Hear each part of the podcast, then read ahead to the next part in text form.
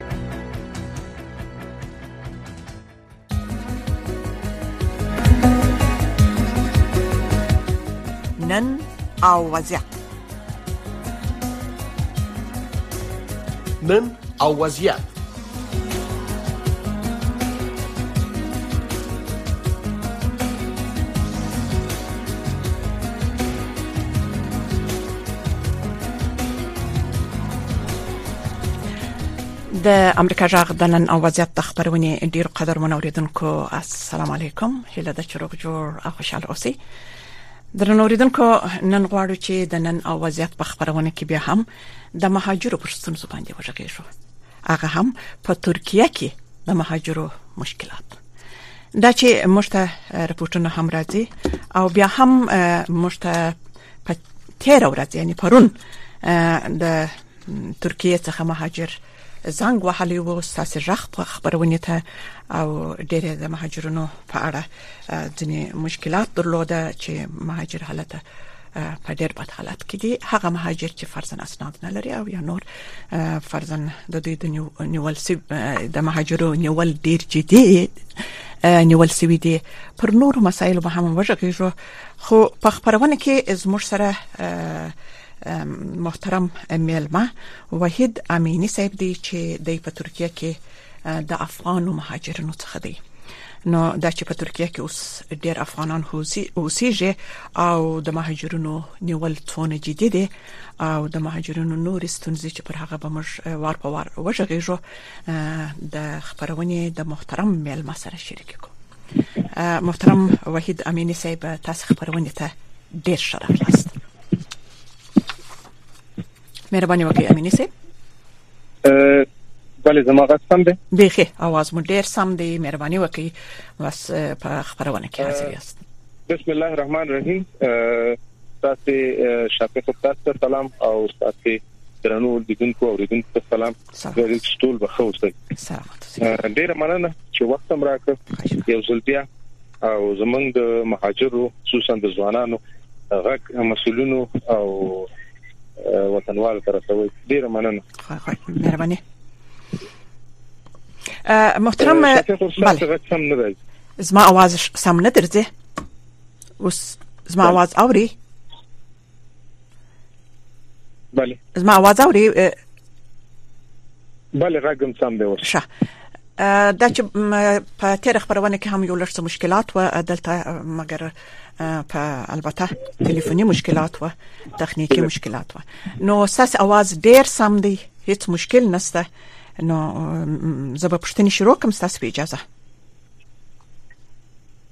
مهرباني سلامات اوسئ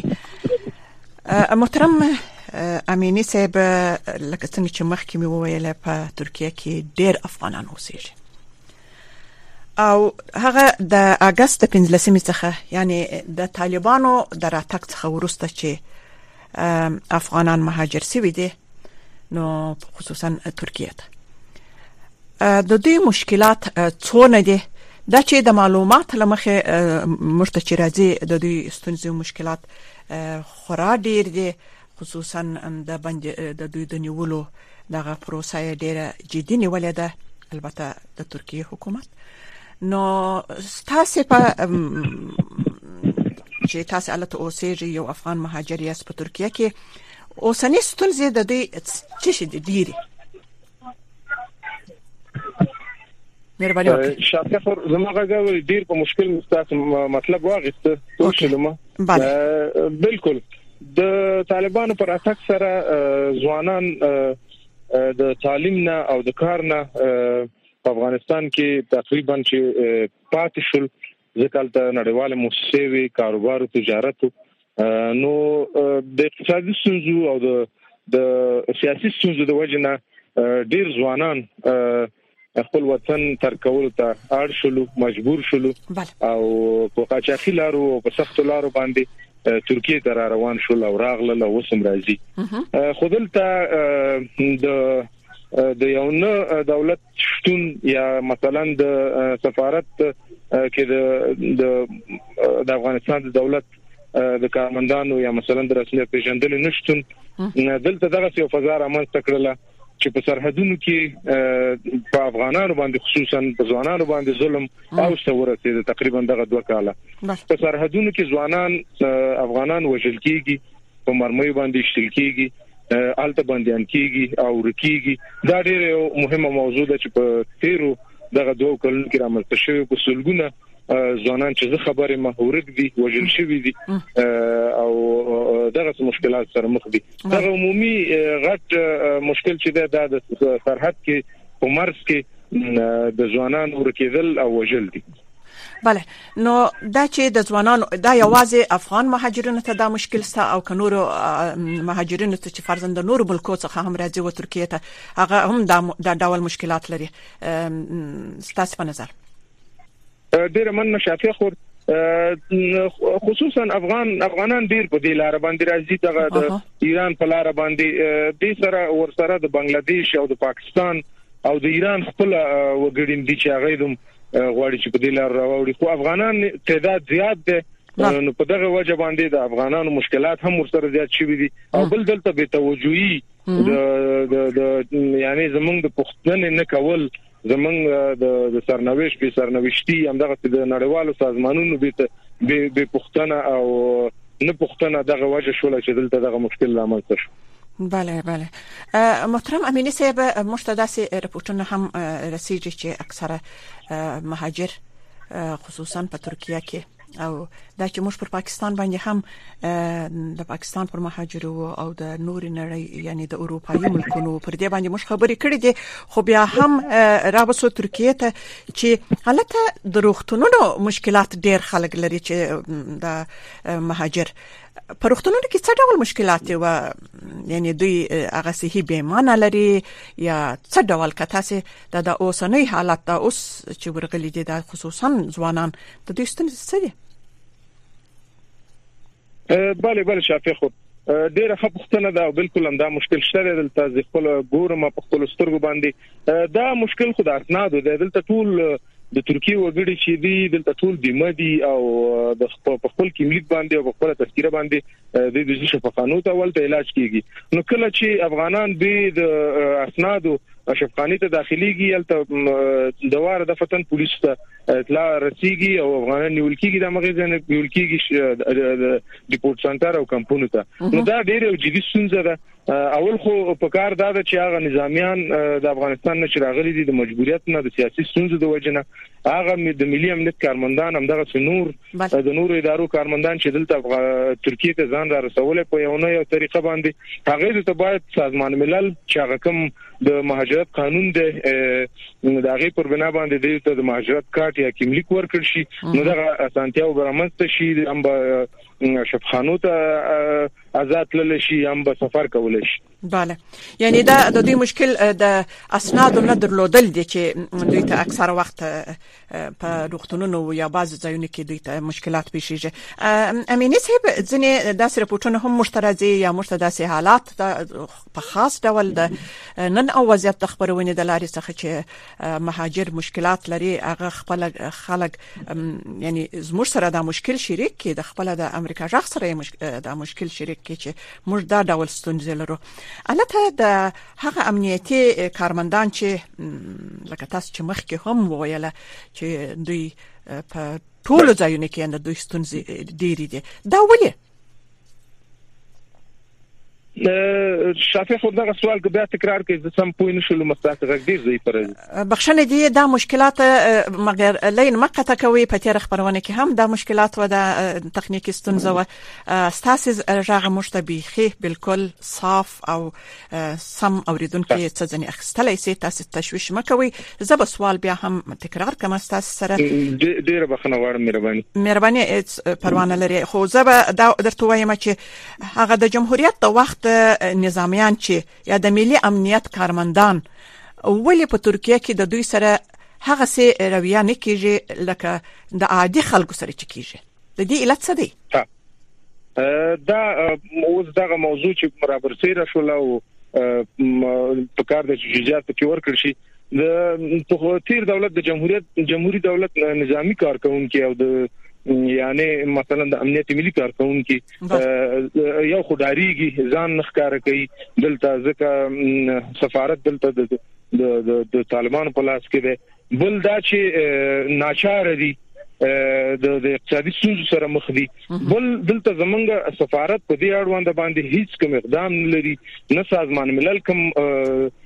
پروسیجر لري نه کوم د سیو د دې لپاره کوم خاص پروګرام نه دی جوړ کړی نو په دې صورت باندې هغه څه چې کوم چې ور سره وغه تمام شول ځکه زه ګورم ما سره ملګری دي هم دلته مزور سره تماس لرم نو ډیر د غربت او ډیر په مشکلاتو کې جو شپه او ورځ تیرې دلته په ترکیه کې نور ته اسناد ورکړي د څو دفعه غوښتنه کړې ده سفارت ته ورغلي دي همدغه سازمان ملل دلته چې کوم نمائندګان دي هلته ورغلي دي او خپل دغه مشکل ور سره مطرح کړی دی خو هیڅ مثبت جواب نه دی ویل شوی ورته او چې ونیول شي په په کمپونو کې او په ډیپورټ سنټرونو کې دغه د دوه کال پوره کیږي چې په سلګونه همدغه ځوانان چې دغه د کډرونه دي او دغه د ملي امنیت کارمندان دي نظامیان دي دا پراته دي او د راوتلو او د ریپورت ریپورت خو نه غواړي چې بیرته لاړ شي افغانستان ته او د راوتلو به خلار ورته نه معلومه که وکیل ونی سیام پیسې مصرف کی به هم د راوتلو گنجائش نشته ځکه د دې ته اجازه نشته چې دغه یو کوم اقدام وکړي د دې په برخه کې کوم پریکړه وکړي bale امینه صاحب ساسي کور ودان بیا هم ډیر مننه چې تاسو معلومات راکوي وي مشته د مهاجرو په برخه کې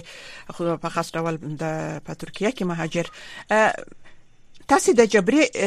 ډیپورت یا د دوی چې د ملک څخه باسي په دې باره کې تاسو ویل جبري ډیپورت څه وطن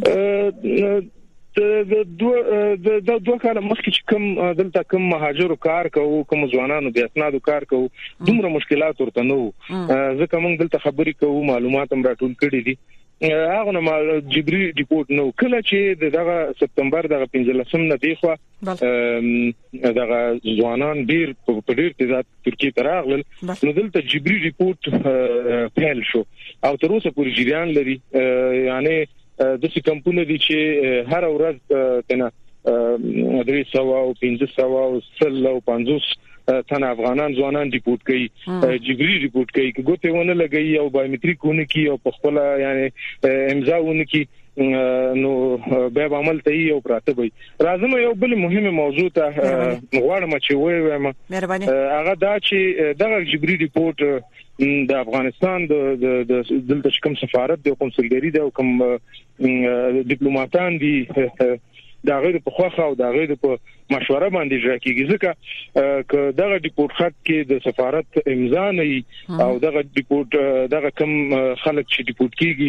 دا سفارت د خوانه تایید نشي چې دا افغان دی کنه دی نو هیڅ امکان نه لري چې دغه ډیپورت رامنځته شي او په دغه دومره ډیر تعداد کې ډیپورت رامنځته شي ځکه افغانان په ډیرو سختو شرایطو باندې هلته خپل ځمکه خرڅه کړي هلته خپل پټه خرڅ کړي خپل چانه قرض پیسې راوخلي خپل اولاد راولېږي ترکیې ته چې دلته به هم به خوندي او هم به دلته یو څه اندازه اقتصادي کار وکړي او خپل کورنۍ ته به حلال رزق وګټي هغه ډیپورټ کیږي 2000 ډالر په دې باندې مصرف کیږي او هغه په یو شپه کې ډیپورټ کوي او بیرته په کابل میدان هوایي کې کښکته کوي نو دا سره سر ظلم دی یعنی په ترکیه کې چې دغه افغان چې تاسو ویل چې د افغانستان سفارت او کنسولګری هم موجوده ده دوی په دغه ډیپورت په مسلې باندې دوی خبريږي او دوی د دوی د خوا څخه یعنی مثال لکه تاسو چې ویل چې دوی د خوا څخه امضا وشي نه هغه ډیپورتیدل یا د دوی استنیدل و افغانستان ته یا نور ملکونو ته هغه شافیا خور خبره د پکتیک په بخره سره دا خو معلومدار خبره ده شفیع خور دا خو یو پروسیجر ده چې کوم افغان چې د د بل هواد نه د ترکیې نه ډیپورټ کیږي نو هغه د ډیپورټ نو هغه کوم ته مراحل چې تر سره کیږي هغه د سفارت د افغانستان د مربوطه حکومت د سفارت په هماهنګي او د هغه سره په مشورې باندې تر سره کیږي ځکه هغه ډیپورټ پارچه چې کومه ده که تاسو سره لاس درشي یا مثلا زه درولې کوم تاسو یو ګورئ کې د سفارت دا پښته ده هغه کې دا کم کس چې د مسول دی هغه امضا شته ده چې هغه ته کړه چې دا افغان دی او د افغان تذکری لرونکي دی تابعیت لرونکي دی نو زه د دې دغه کوم تایید کوم په هغه صورت کې دا ریپورت کیږي نه یعنی بل کوم جرم څخه چې فرضاً خاص جرم نه یې کړی اکثره یو داس غیر قانوني جرم لري هغه دوی د ډیپورت کیږي خو په هر صورت بیا به هم راسو ودی ته چې تاسو چیرې اوسېږئ جلیل صاحب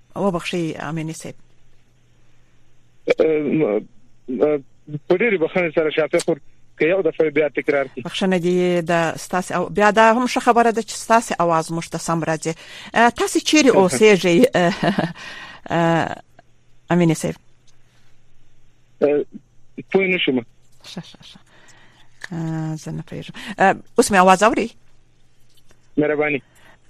چیرې اوسېږي تاسو امینه سي د ترکیه په کوم ښار کې تاسو اوسئ چې کله ترکیه ته را داخل شوم زه اصلا ما به تاسو په تیر مرکه کې ویلي چې زه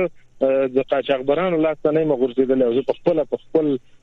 په خپل خو باندې او په خپل فکر باندې د افغانستان تر دې ځې پر راغله مزه په سرحدي ولایت وان کې اوسېږم او همدغلته ما همدغلته مې دغه دوه کال تیر کړ او همدغلته مې ملګری پیدا کړی همدغلته مې ژبه زده کړې همدلته کار کوم څو دفعې د کوم موسسې چې نړیوالې دي د اسام په نوم باندې ده او د دې دغه کوم ادارې چې د مهاجرت په بخش کار کوي هغه ته مراجعه کړې ده او به مرزم هر وخت ورته وایم چې ما ته اسناد راکړي ځکه زه ما په افغانستان کې مکتب خلاص ویل ده ما پانتون پښتو ادبیاتو نه فارغ ما مسلک لرم نو په دې خبرو کې مو سره ډیر پرمختګ نه دی راغلی مثبت جواب مې نه دی ترلاسه کړی بله نو خدای دې چې د تاسو د هغه مشکلات چې تاسو لري او دا حکومت باید دغه په خپل د د ترکیه حکومت سره همکاري وکړي ولې دغه ځوانانو ته ضرورت دی په خاص ډول بیا د افغانانو د لپاره چې تاسو هم تر ژبه زده کړې ده خو رابسو و دې ته چې تاسو ول خلک نیول کیږي برمته کیږي و دا پیسې په دغه ځای کې ځای کار کوي چې یو واسطه یا پیسې چې هغه چاته ورکړي چې وای فرضاً په ما باندې کار مک لري زه د لې اوسېږم دا لکه موږ چې وایو چې یو غیر قانوني کار دی معلوم دار مګر دا چې موږ ته دغه سي معلومات هم را رسیدلې دي چې وایي د برمته کوونکو په مقابل کې د دوی څخه د دوی د کورنۍ څخه پیسې اخیستل کیږي آیا دا خبره تر کوم حد صحیح وبولو شافع خو ډیره مننه خټه کې د اشاره وکړه او دا ډیره دویم قدم کې د د وژلو په سرحدي ستونزو کې دویم قدم ستونزه دا ده چې دا قاچاقبران چې کله ځوانان د ترکیې خاورې ته را داخل کی او یا په ایران کې کوم دغه ځای وګوري او یا د خپل ارتباطاتو او د خپل معلوماتو په اساس باندې خلک پیدا کی چې هغه کمزوري او دا هغه هغه الته څوک نه مثلا هغه کې نه یو د کورنۍ څخه پیسې غوړي دا پیښې موسم جریان لري او تیرم شوی دی رپورټونه په جوړ شوی دي دا ډیر هټول خلک ته معلومه خبره ده چې په ایران کې ایرانی او په دې خوا په سرحد نه دی غاړي کوردان دغه کړنې تر سره کوي دا یو تجارت په عام عام شکل باندې جوړ شوی دی پیسې ورته ورکول کیږي او لکیږي بیرته خوشی کیږي دا دا به سي تجارت هم شوی دا کار بله امنی صاحب د مهاجرو په برخه کې نړیوالې ادارې حالت څه رول لوبوي د خلکو سره یعنی کومک کیږي بیا هم که تاسو په دې باره کې یو څه معلومات راکړئ بیا یو بل پښتنه هم تاسو خو کوم از مر وخت استي د دې لست کې پاتې دي مګر زما پښتني یو څه نوري هم پاتې دي نو نړیوال ادارې د په دې برخه کې څه فعالیت کوي یا څه کومک ته دي خلکو سره کولای شي شافه خور نړیوال موسسه یا ملل متحد یونسکو او دغه کوم سازمانونه چې د مهاجرت په بخش کې کار کوي او د مهاجرت د مهاجرو په کنټرول کې کار کوي په ترکیه کې د صلاحیت نه لري هغه کوم صلاحیت چې باید درلودلې هغه د ترکیه دولت د مهاجرینو مدیریت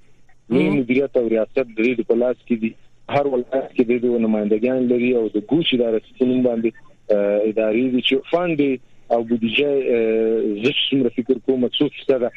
تر 30% پورې د اروپאי اتحادیه او د سازمان ملل او د غنور موسسو د خانه تمویلي د سرحدونو په کنټرول او د مهاجرت دا د ترکیه او د د سازمان ملل او د دې ترمنځ خپل تړونونه دي چې د مهاجرو کنټرول کې باید دغه وکی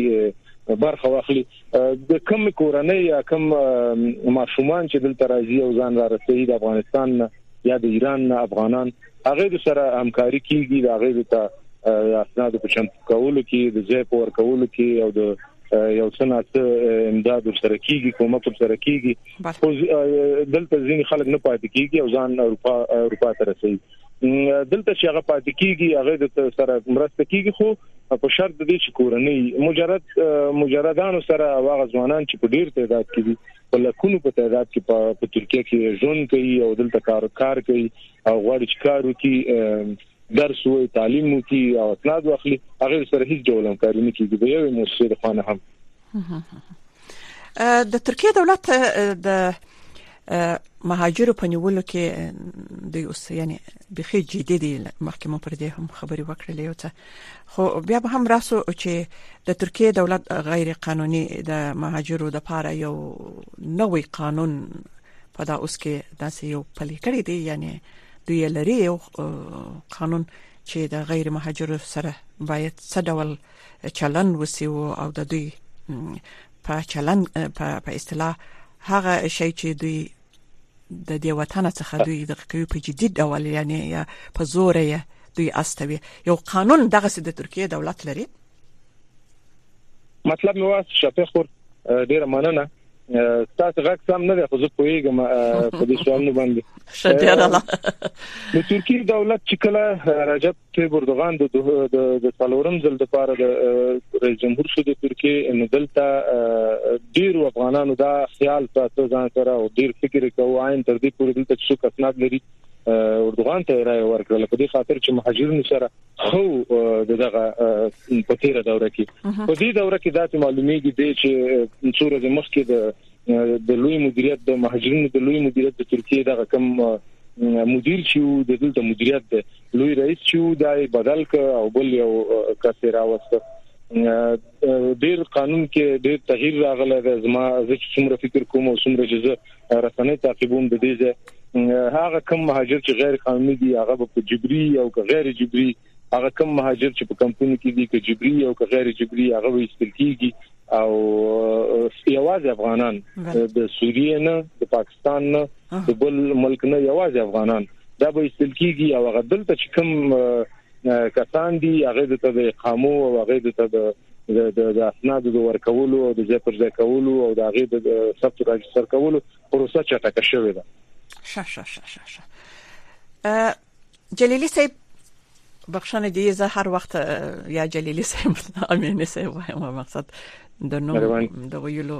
ډیر مهم دی چې محترم وحید امینی صاحب چې په ترکیه کې افغان مهاجر یاست تاسو درته ویلای شئ چې په ترکیه کې د افغانانو یعنی هغه تجاران ستا په خواني تجاران چې مخکې دوی تللی دي او د دوی ژوند د پخوا په پرتله یعنی د اوسنۍ حالت دغه مهاجر چې ورغلي دي د دوی تر ژوندې اوس د دوی معلومدار شه ژوندې دوی په هر برخه کې دوی مخته تللی دي نو دغه تجاران د دغه مهاجر سره چې نیو ورغلي دي د دوی په حصہ کې دوی یو څه ستاسو سره کومک نسی کولای یا ستاسو سره همدردي نسی کولای ډیر مهمه موضوع ته اشاره وکړه شافیا خور که تاسو خبره مخته کړی تاسو غږ نه لرم په ډیر بخنه خو سوال مې واغسته په شتیر شل کال په افغانستان کې چې موږ ولیدل په خپل سترګو باندې په میلیارډونو ډالر راغلل د دې پر ځای چې په افغانستان کې په په بیا رغونه او په اداراتو په جوړولو باندې لګیدلی وي دا هغه کوم مستحقین چې دی هغه ته باید رسیدلی وي زمونږ یو شمیر سیاسونو او زمونږ یو شمیر مشرانو خپل جیب تکړلی او دغه ته په ترکیه کې او په دوبۍ کې او په نورو پیشرفته ممالک کې خپل کاروبارونه خپل د د د د اش نو ژوند جوړ کړ ځکه دا خپل سترګو ګورم خپل سترګو مې ولیدل دلته د ټولو نه لوکس کورونه د ټولو نه ښه کاروبار د افغانانو دی د ټولو نه ډیر پیسدار خلک افغانان دي مګر د خپل خلکو سره خپل افغانان سره خصوصا پښتانه درته یادوم ټول قوم درته یادوم هیڅ کومه کومګاری نه کوي زه د خلک پیژنم چې ما ورته په سلهاو زره میسج کړی دي زنګونه مې ورته وهلي دي چې خیر یوازې دغه سفارت کې چې دغه د جمهوریت سفارت او هغه وخت یو کال مخکې ما سره یو همکاري نه کړې هم د نور ډیر ملګری شکایت لري بل لازمه ټولن ټولنو ته چې دلته افغانانو د سیو ټولنه نشته ده د سیو بنسټ نشته ده او فکر کوم چې ترکی دولت جوړولو ته نه پریدي یا سفارت په دې کې نه غواړي چې دلته به ټولنه رامنځته شي خپل سفارت هم د د لکه یو حجره یا مثلا یو کور که د رسمیات نشته دی او نه که رسمیات وي خو موږ به لیدلی په خپل سترګو باندې او که رسمیات د اجرا کوي ماغه خلک چې اروپا او امریکا ته ځي او هغه خلک چې سرمایدار دي هغه غیر په خدمت کې دي او هغه غیر سره همکاري کوي دا هغه غیر پاسپورت تم دي دا هغه غیر د اقامه او د نورو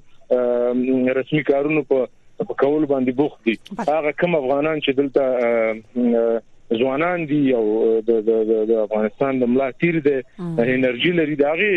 د داغه څخه بے پروا دي او هغه ته توجه نه کوي که څه هم په شپو شپو هغه د کنسولګری دروازې ته ورشي اولته ورته منتظر پاتې شي بله بله بله بله امینه صاحب د خبرونه درې دقیقې مش نوري هم لرو نو کستاسه یو خاص پیغام یې خپل د ترکیه د حکومت د افغانستان د اسلامي دولت څخه او د نورو همکارانو چې تجاران دي او یا نور الته مشران دي یا افغاني ټولنه ده یا نړیوالي موسسې دي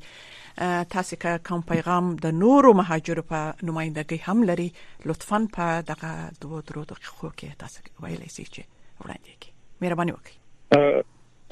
مننه ډیره مننه پیغام زمونږ پیغام او غوښتنې خو ډېری دي یوازنې غوښتنه چې زمونږ د جبري ریپورت او د زمونږ د د انساني حقوقو څخه دفاع ده چې هغه کم کسان چې د افغانانو حاکمان ځان غني او کدل ته په سفارت کې دي او په افغانستان کې دي د افغانستان په وزارت خارجه کې دي د دوی باید زمونږ غږ واوري او زمونږ حکم ستونزې چې دي د هغه حد اقل د هغه پښتنه وکي او د هغه د د د د ستونزو د حل په اړه کې مونږ ته هغه اقل مشوره راکړي هغه اقل د ترکیه دولت سره خبري وکړي چې د دې حل څنګه ده تا مهاجر خو کنټرول کیږي مهاجر خو دلته ځای پر ځای کیږي مهاجر خو هر رقم خلک شته دي یعنی مثلا د نورو توادونو خلک دلته ژوند کوي اسناد لري دلته کاروبارونه لري دلته یعنی آزاد ژوند کوي مګر افغان ځوان د یو ولایت نه بل ولایت ته نشي تللی سیم کارت نشي اغستلی روغتون ته نشي تللی دا ډېر جدي ستونزې دي نو د دې د حل په اړه کې باید د افغانستان د حکم حاکمان چې دي د باید یو پریکړه وکړي جدي اقدام وکړي ستاسو کور ودان ډېر ډېر مننه په ترکیه کې افغان مهاجر محترم وحید امینی صاحب ستاسو د معلوماتو څخه کور مو ودان امید چې ستاسو هغه ستونزې چې په نور مملکتو کې او اوس خاص په ترکیه کې چې تاسو لري زموږ افغان مهاجر نور ته مشکلات ونه لري ډیره مننه ستاسو څخه خدای مو ژوند لره قدرمن اوریدونکو سلامات اوسئ قدرمن اوریدونکو زموږ د خبرونه چې د نن اوازيات خبرونه و په همدې ځای پای ته ورسیده